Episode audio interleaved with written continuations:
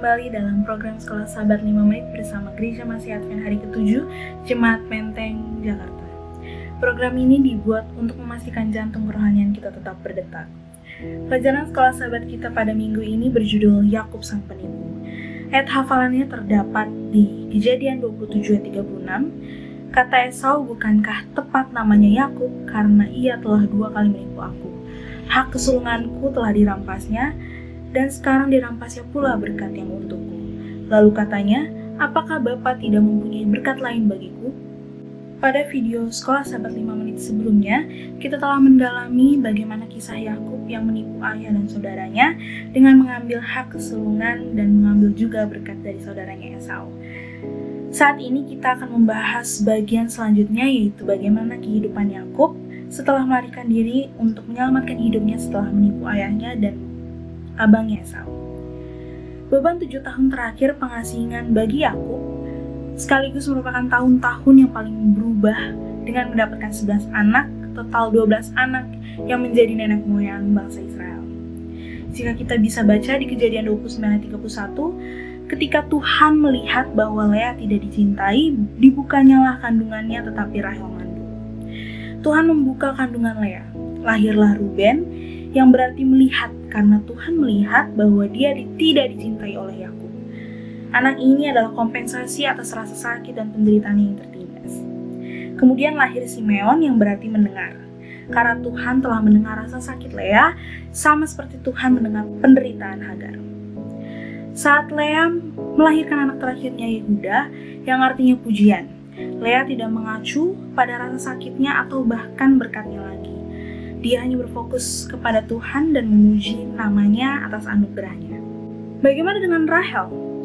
Di kejadian 30 ayat 22 dikatakan, Lalu ingatlah Allah akan Rahel, Allah mendengarkan permohonannya serta membuka kandungannya. Ketika Lea tidak dapat melahirkan lagi, maka Tuhan mengingat Rahel dan membuka kandungannya. Rahel, istri Yakub yang dicintainya, harus menunggu tujuh tahun setelah pernikahannya dan 14 tahun setelah pertunangannya dengan Yakub. Untuk mendapatkan anak pertama yaitu Yusuf yang artinya Allah telah menghapus aibku dan akan menambahkan seorang anak laki-laki lagi bagiku di kejadian 30 ayat 23 dan 24. Sesuai janjinya Tuhan bertindak e, menepati janjinya kepada Yakub dengan memberikan berkat.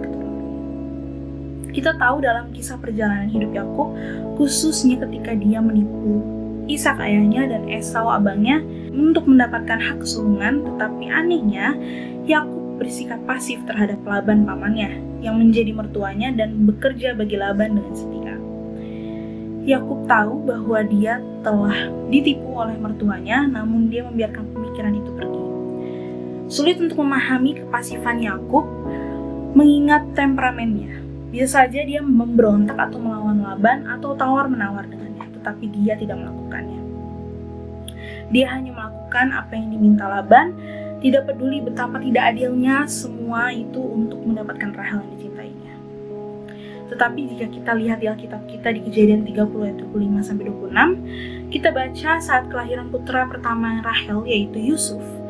Yakub akhirnya mencapai tahun ke-14 pelayanannya terhadap Laban dan mau meninggalkan Laban untuk kembali ke tanah perjanjian di kejadian 30 ayat 30 sampai 32. Yakub masih khawatir akan masalah keuangan keluarganya.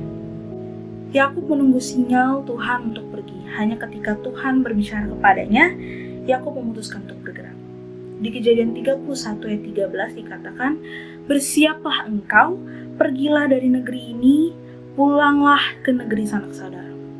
Tuhan menyatakan dirinya sebagai Allah yang di Betel, memerintahkan Yakub untuk pergi sama dengan kata-kata yang Tuhan gunakan untuk memanggil Abram untuk meninggalkan sanak saudaramu di kejadian 12 ayat 1. Oleh karena itu, Yakub beserta keluarganya dan harta miliknya pergi untuk memulai fase lain dalam kisah agung umat perjanjian Allah. Tuhan memilih Yakub bukan karena dia layak mendapatkannya, tetapi karena anugerahnya. Di Roma 4 ayat 1 sampai 5 dapat disimpulkan bahwa hanya oleh iman kita dapat dibenarkan. Usaha kerja keras Yakub tidak ada gunanya tanpa anugerah Tuhan. Yakub akhirnya memahami pentingnya kasih karunia Tuhan dan apa artinya mempercayai Tuhan, hidup oleh iman, dan sepenuhnya bergantung pada Tuhan.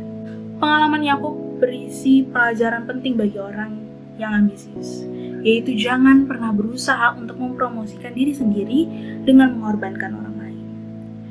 Hal untuk direnungkan oleh kita pada hari ini adalah lihatlah karakter Isa, Ribka, Yakub, Esau, Laban, Rahel, dan Lea dalam catatan sejarah di Alkitab.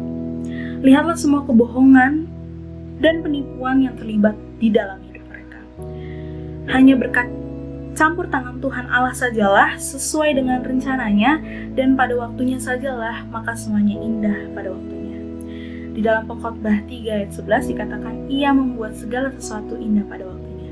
Bahkan ia memberikan kekekalan dalam hati mereka.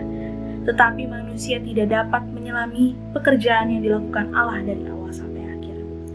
Marilah kita renungkan pelajaran sekolah sahabat minggu ini untuk mendekatkan diri kita kepada Tuhan. Sekian program Sekolah Sahabat 5 Menit kita hari ini, kiranya Tuhan memberkati kita semua. Sekolah Sahabat yang bersahabat, bersemangat, semua terlibat, jangan terlalu.